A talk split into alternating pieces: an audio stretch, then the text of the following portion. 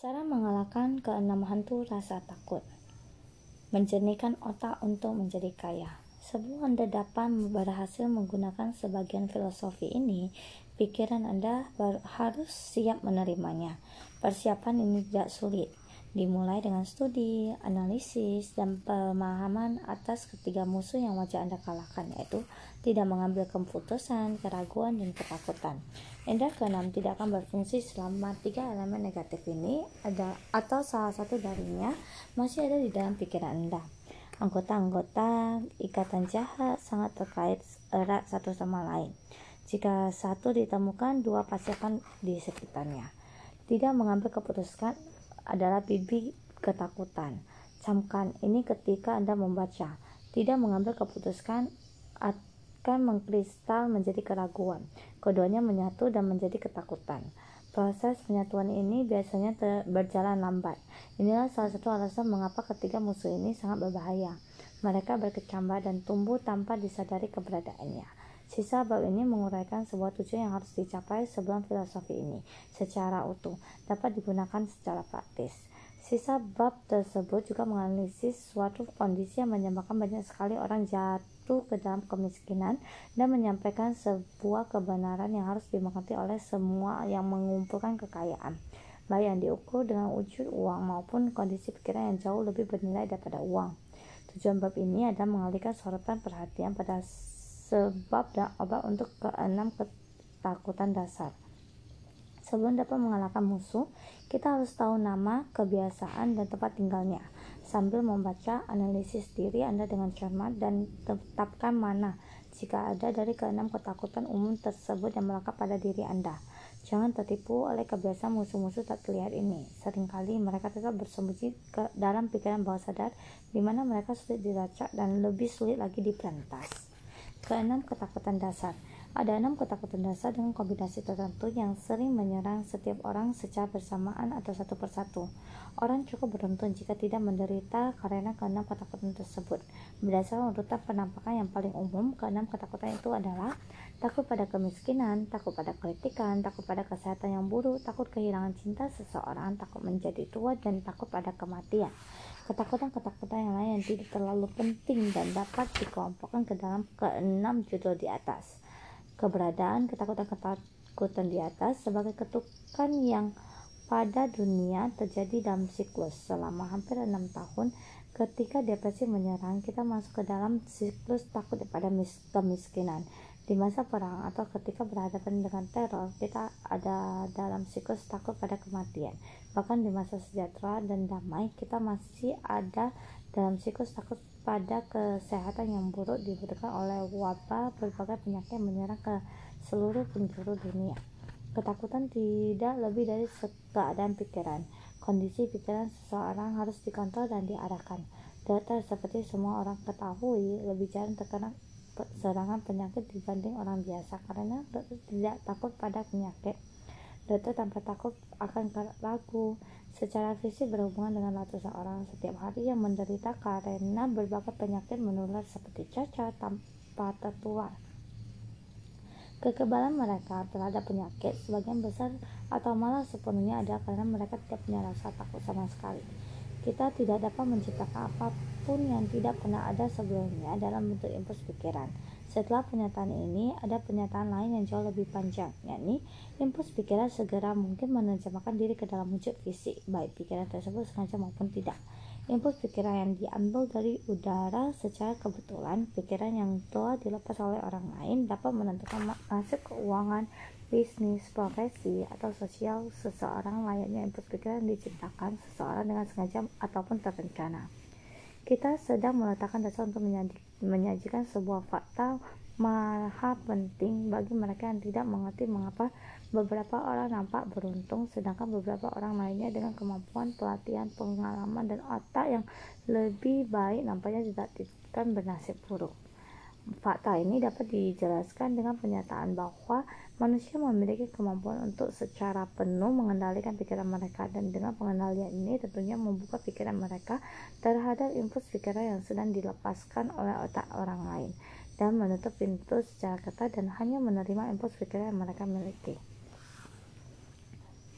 Mereka pilih alam telah memberi kita kontrol penuh atas satu hal dan hal itu adalah pikiran fakta ini digabungkan dengan sebuah fakta lain bahwa segala sesuatu yang diciptakan orang pada awalnya berbentuk pikiran semakin mendekatkan seseorang ke prinsip yang dapat digunakan untuk menguasai ketakutan Memang benar bahwa semua pikiran cenderung membungkus diri dalam wujud fisiknya, dan ini mutlak benar. Benar juga bahwa impuls pikiran rasa takut dan kemiskinan tidak dapat diterjemahkan ke dalam bahasa keberanian dan keberuntungan finansial.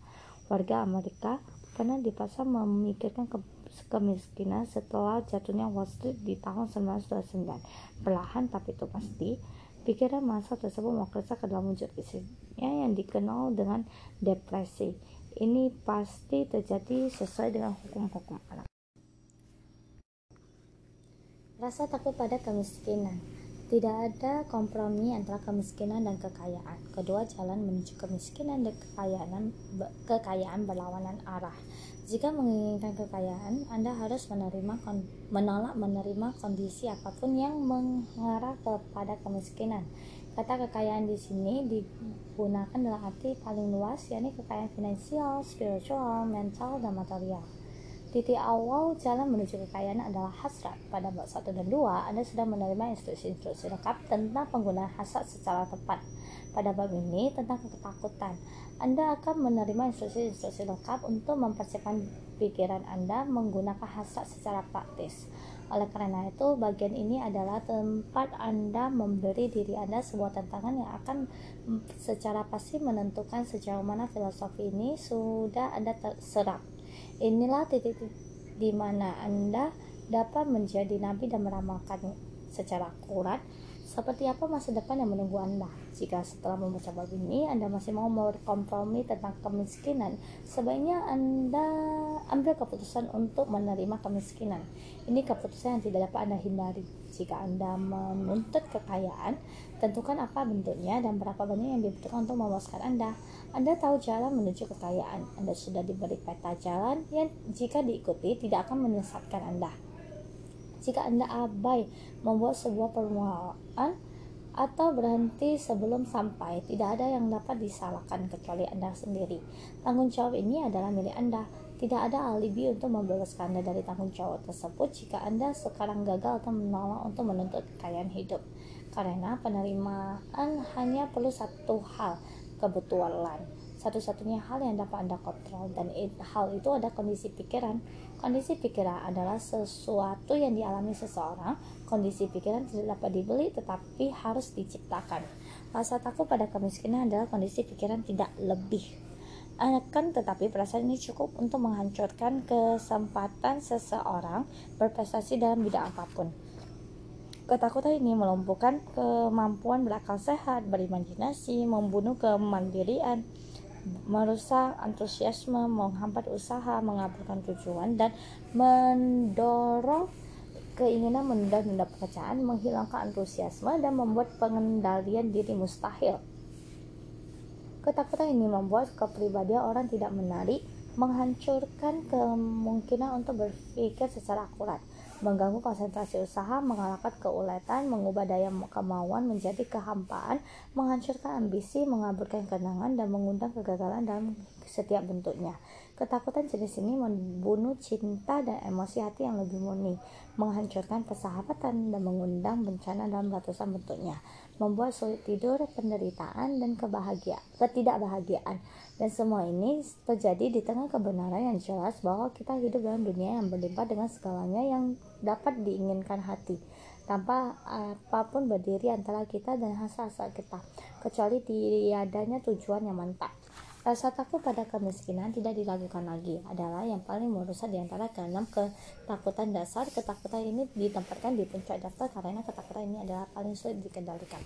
Perlu keberanian besar untuk menyatakan kebenaran tentang asal-usul ketakutan ini dan keberanian yang jauh lebih besar untuk menerima kebenaran tersebut setelah diucapkan.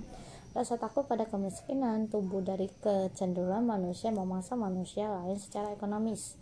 Hampir semua binatang yang lebih rendah dari manusia dimotivasi oleh naluri tetapi karena kapasitas berpikir mereka terbatas mereka saling memangsa secara fisik manusia dengan ketakutan in, kekuatan intuisi yang lebih superior dengan kapasitas berpikir dan menggunakan akal sehat, tidak memangsa manusia lain secara fisik, mereka cenderung lebih puas memangsa sesama mereka secara finansial. Di antara semua zaman di dunia, dengan segala kegilaan yang kita tahu, zaman di mana kita hidup nampaknya adalah sebuah zaman yang luar biasa karena kegilaan terhadap uang, orang dianggap lebih rendah dari debu kecuali mereka dapat menunjukkan rekening mereka yang gemuk di bank. Akan tetapi dengan uang tak peduli cara mereka memperolehnya, mereka juga sering akan dipuja dan diperlakukan seolah di atas hukum. Mereka ada dalam politik, menguasai dunia usaha, dan semua orang di sekeliling mereka membungkuk ketika mereka lewat. Tidak ada yang lebih menyengsarakan dan memalukan dibanding kemiskinan. Hanya mereka yang telah mengalami kemiskinan yang mengerti arti pernyataan tersebut secara penuh. Tidak heran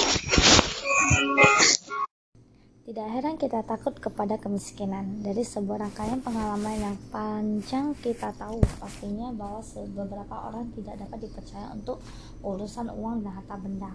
Ini lebih mirip sebuah sangkaan yang menyengat. Dan bagian terburuk dari hal ini adalah bahwa sangkaan itu benar adanya. Banyak perkawinan dimotivasi oleh karyawan dimiliki salah satu atau kedua belah pihak yang akan mengikat dirinya.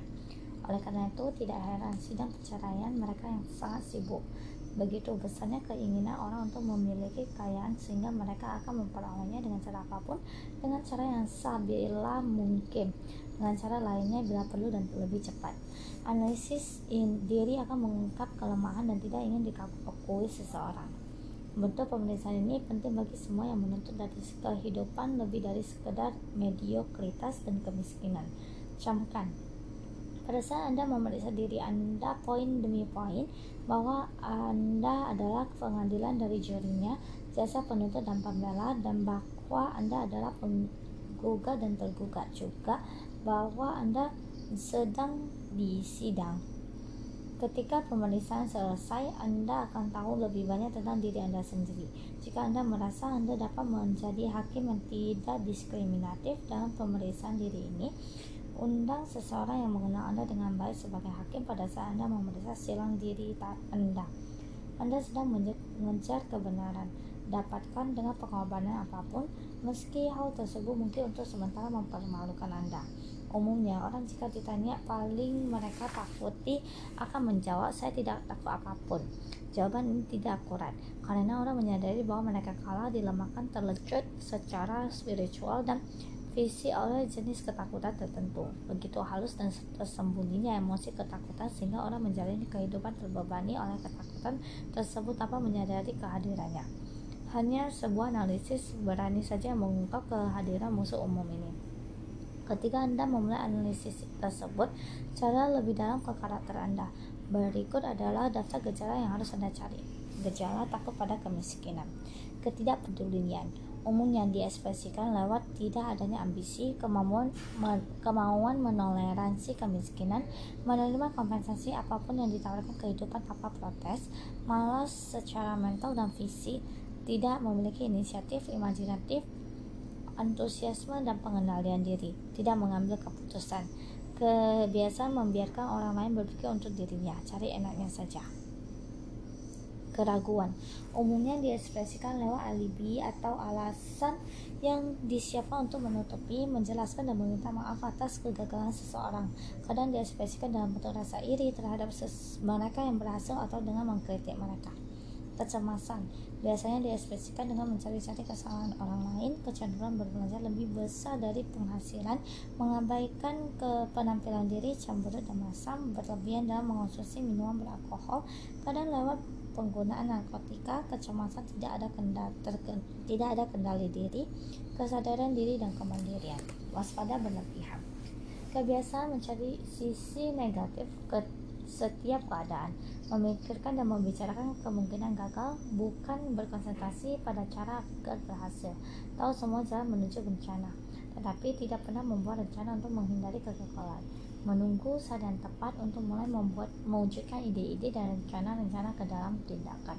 Sampai menunggu menjadi kebiasaan tetap selalu mengingat mereka yang gagal dan melupakan yang berhasil mencari lubang pada donat tetapi malah tidak melihat donatnya.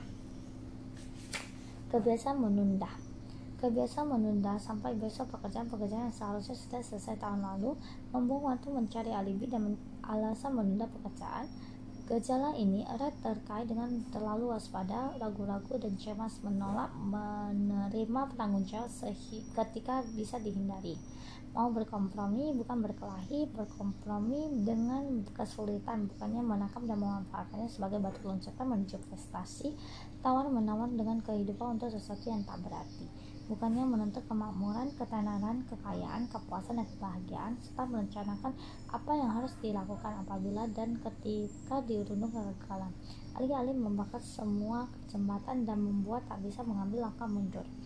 Gejala ini makin jelas terungkap oleh kelebihan, eh kelemahan dan sering terketiadaan rasa percaya diri, kemantapan tujuan, pengenalan diri, inisiatif antusiasme, ambisi, kehati-hatian dalam mengelola kekayaan dan kemampuan yang baik untuk menggunakan akal sehat, mengharapkan kemiskinan bukannya menuntut kekayaan, serta bergaul dengan mereka menerima kemiskinan bukannya bergaul dengan mereka menuntut dan menerima kekayaan.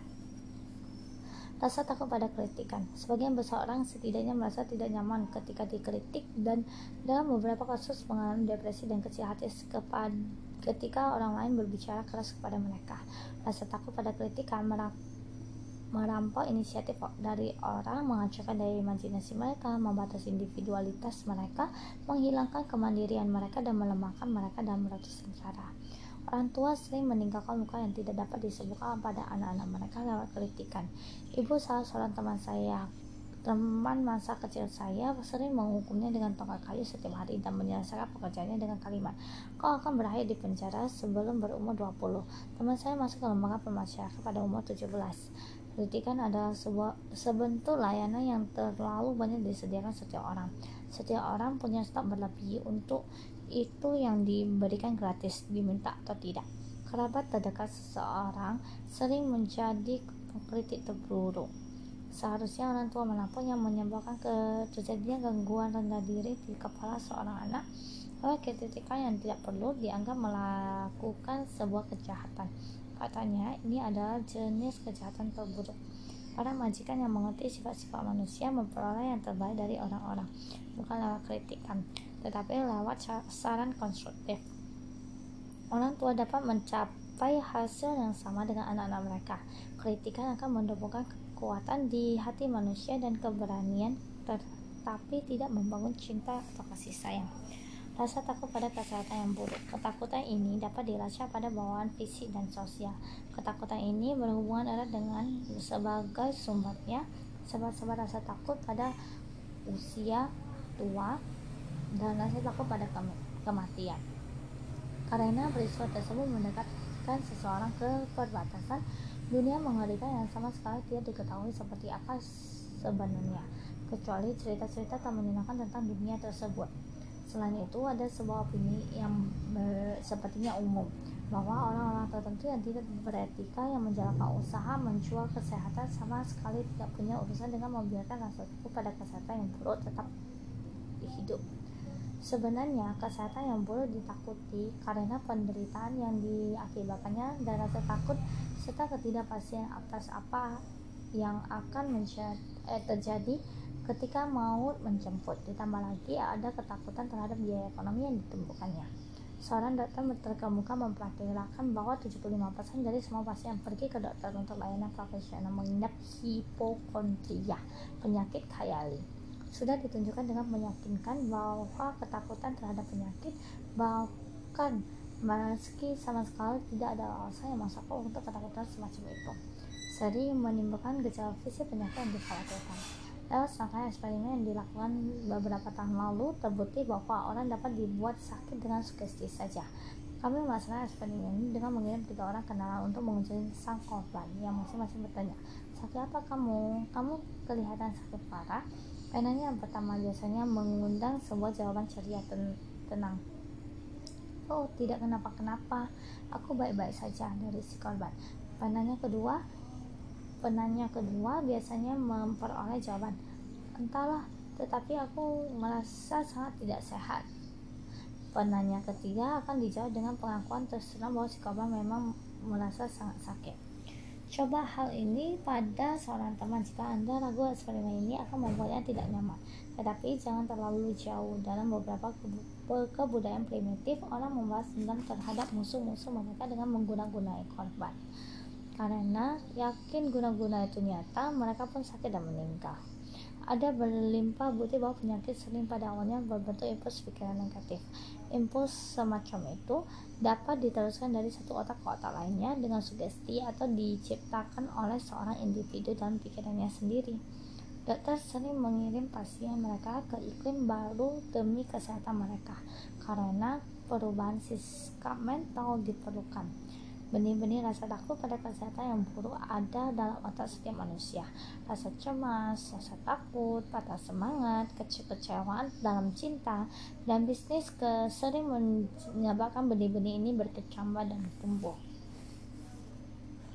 Rasa takut kehilangan cinta. Sumber asal ketakutan ini tidak perlu penjelasan panjang lebar, karena jelas ketakutan ini tumbuh dari kebiasaan kuno laki-laki untuk berpoligami dengan mencuri pasangan sahabat mereka dan menggunakan setiap kesempatan untuk berselingkuh dengan pasangan sahabat mereka tersebut. Takut kehilangan cinta seseorang adalah yang paling menyakitkan dari keenam jenis ketakutan dasar. Salah satu gejala nyata dari ketakutan ini adalah rasa cemburu, kebiasaan mencurigai sahabat dan kekasih tanpa bukti yang masuk akal dan kuat. Yang lainnya adalah kebiasaan menuduh istri dan suami tidak setia tanpa alasan yang kuat.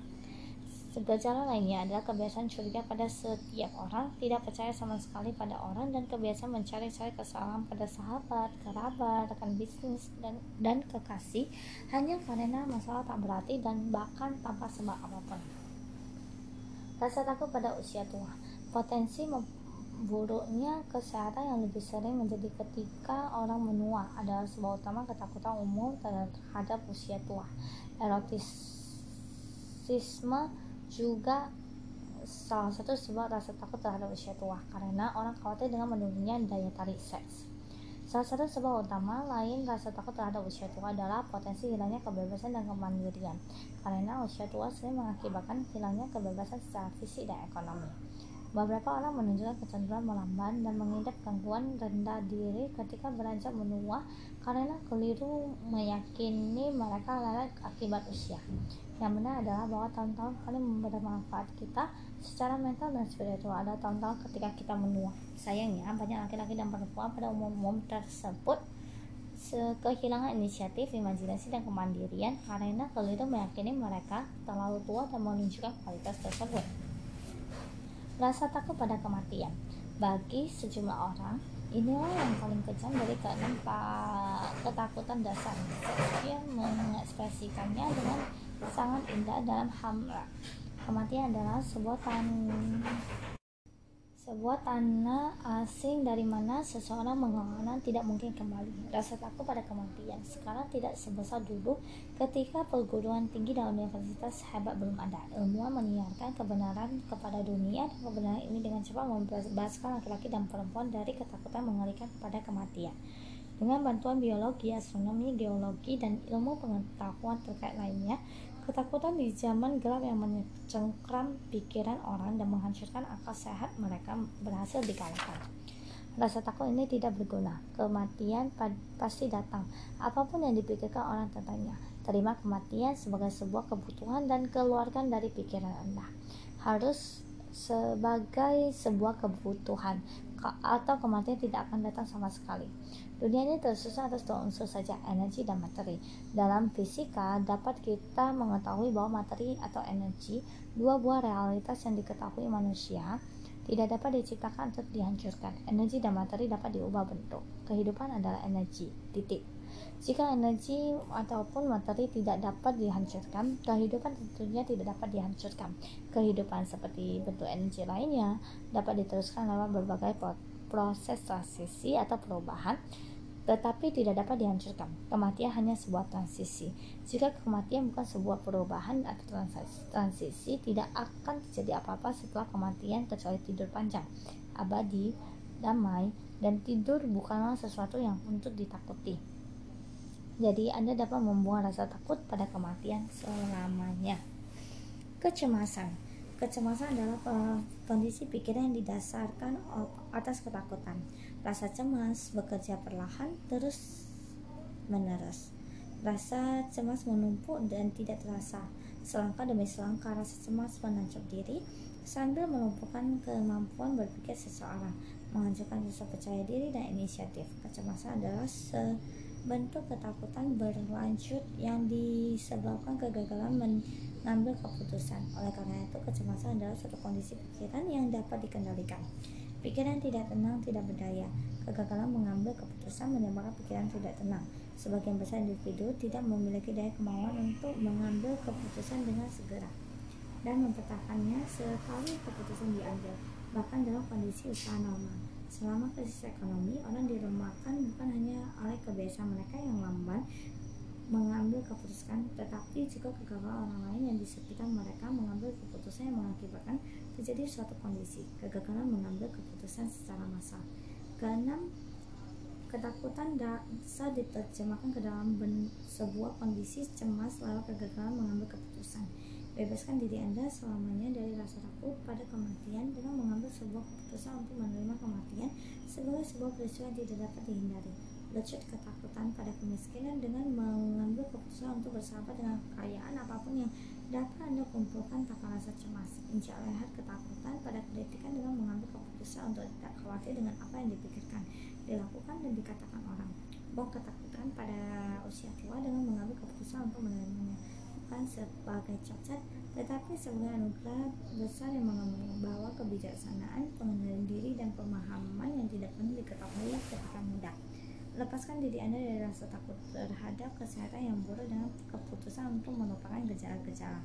Kuasai rasa takut kehilangan cinta dengan mengambil keputusan untuk bersahabat tanpa cinta, jika mungkin bunuh kebiasaan cemas dan dalam sebuah bentuknya dengan dalam semua bentuknya dengan mengambil sebuah keputusan umum dan menyeluruh bahwa apa pun yang ditawarkan kehidupan tidak perlu dijelaskan dengan keputusan ini datang kendali diri kedamaian jiwa dan ketenangan pikiran yang akan membawa kebahagiaan orang yang pikirannya penuh dengan ketakutan tidak hanya menghancurkan peluangnya untuk bertindak cerdas tetapi juga menyebabkan vibrasi destruktif ini dengan eh kepada pikiran orang lain dan juga menghancurkan peluang mereka. Bahkan seekor anjing atau kuda tahu ketika tuan mereka tidak memiliki keberanian. Selain itu, seekor anjing dan kuda akan menyerap vibrasi ketakutan di perjalanan tuan mereka dan bertindak sama. Di bawah garis kecerdasan dalam kerajaan binatang, orang akan menemukan fasilitas yang sama untuk menerima vibrasi ketakutan. Seekor lebah madu dapat segera mencium ketakutan dalam kepala seseorang untuk alasan yang tidak diketahui seekor dan akan lebih cenderung mendengar orang yang melepaskan vibrasi ketakutan daripada mengganggu orang yang pikirannya bebas dari rasa takut. Vibrasi ketakutan diteruskan dari satu pikiran ke pikiran lainnya. Secepat dan sepasti suara orang yang dipancarkan dari stasiun siaran ke stasiun penerima dan lewat medium yang sama. Telepati mental adalah sebuah realitas. Pikiran diteruskan dari satu otak ke otak lainnya dengan sengaja baik diakui oleh orang yang melepaskan atau yang menerima pikiran tersebut maupun tidak. Orang yang memberi kesan lewat kata-kata, pikiran negatif atau destruktif dijamin akan menerima akibat kata-kata tersebut dan bentuk sepakan negatif. Pelepasan impuls pikiran negatif sendiri tanpa bantuan kata-kata juga menghasilkan sepakan dalam lebih dari satu cara. Pertama-tama dan mungkin yang paling penting untuk diingat, Orang yang melepaskan pikiran negatif yang sifatnya merusak pasti merugi akibat rusakan rusaknya kemampuan berimajinatif kreatif. Kedua adanya dalam pikiran emosi destruktif menciptakan kepribadian tidak menyenangkan yang akan menjauhkan orang-orang dan bahkan mengubah mereka menjadi musuh. Sumber ketiga kerugian bagi orang yang mempertontonkan dan melepaskan pikiran negatif ada pada fakta penting ini. Pikiran-pikiran negatif ini tidak hanya merugikan orang lain, tetapi juga melekat pada pikiran bahwa sadar orang lain melepaskannya. Dan oleh karena itu menjadi bagian dari karakter mereka. Orang tidak akan pernah terbebas dari sebuah pikiran hanya dengan melepaskannya. Ketika dilepas pikiran menyebar ke semua arah lewat perantaranya perantaraan udara tetapi juga memantapkan diri secara permanen dalam pikiran bawah sadar orang yang melepaskannya tujuan utama Anda dalam kehidupan ini tidak dilakukan lagi adalah menggapai keberhasilan. Agar berhasil, Anda harus menemukan kedamaian jiwa, memperoleh kebutuhan material untuk hidup dan di atas itu semua memperoleh kebahagiaan. Semua bukti keberhasilan ini pada awalnya berbentuk dorongan pikiran. Anda dapat mengendalikan pikiran Anda sendiri. Anda punya kekuatan untuk memberinya dorongan pikiran apa yang Anda pilih. Hal istimewa ini juga disertai tanggung jawab untuk menggunakannya secara konstruktif. Anda dapat mempengaruhi, mengarahkan, dan pada akhirnya mengendalikan lingkungan Anda sendiri. Kehidupan seperti yang Anda inginkan di sisi lain, Anda boleh tidak melaksanakan hak istimewa Anda, membuat kehidupan mengatur Anda, artinya melemparkan diri Anda ke lautan luas. Keadaan di mana Anda akan dilempar ke sana kemari seperti serpihan di atas ombak lautan.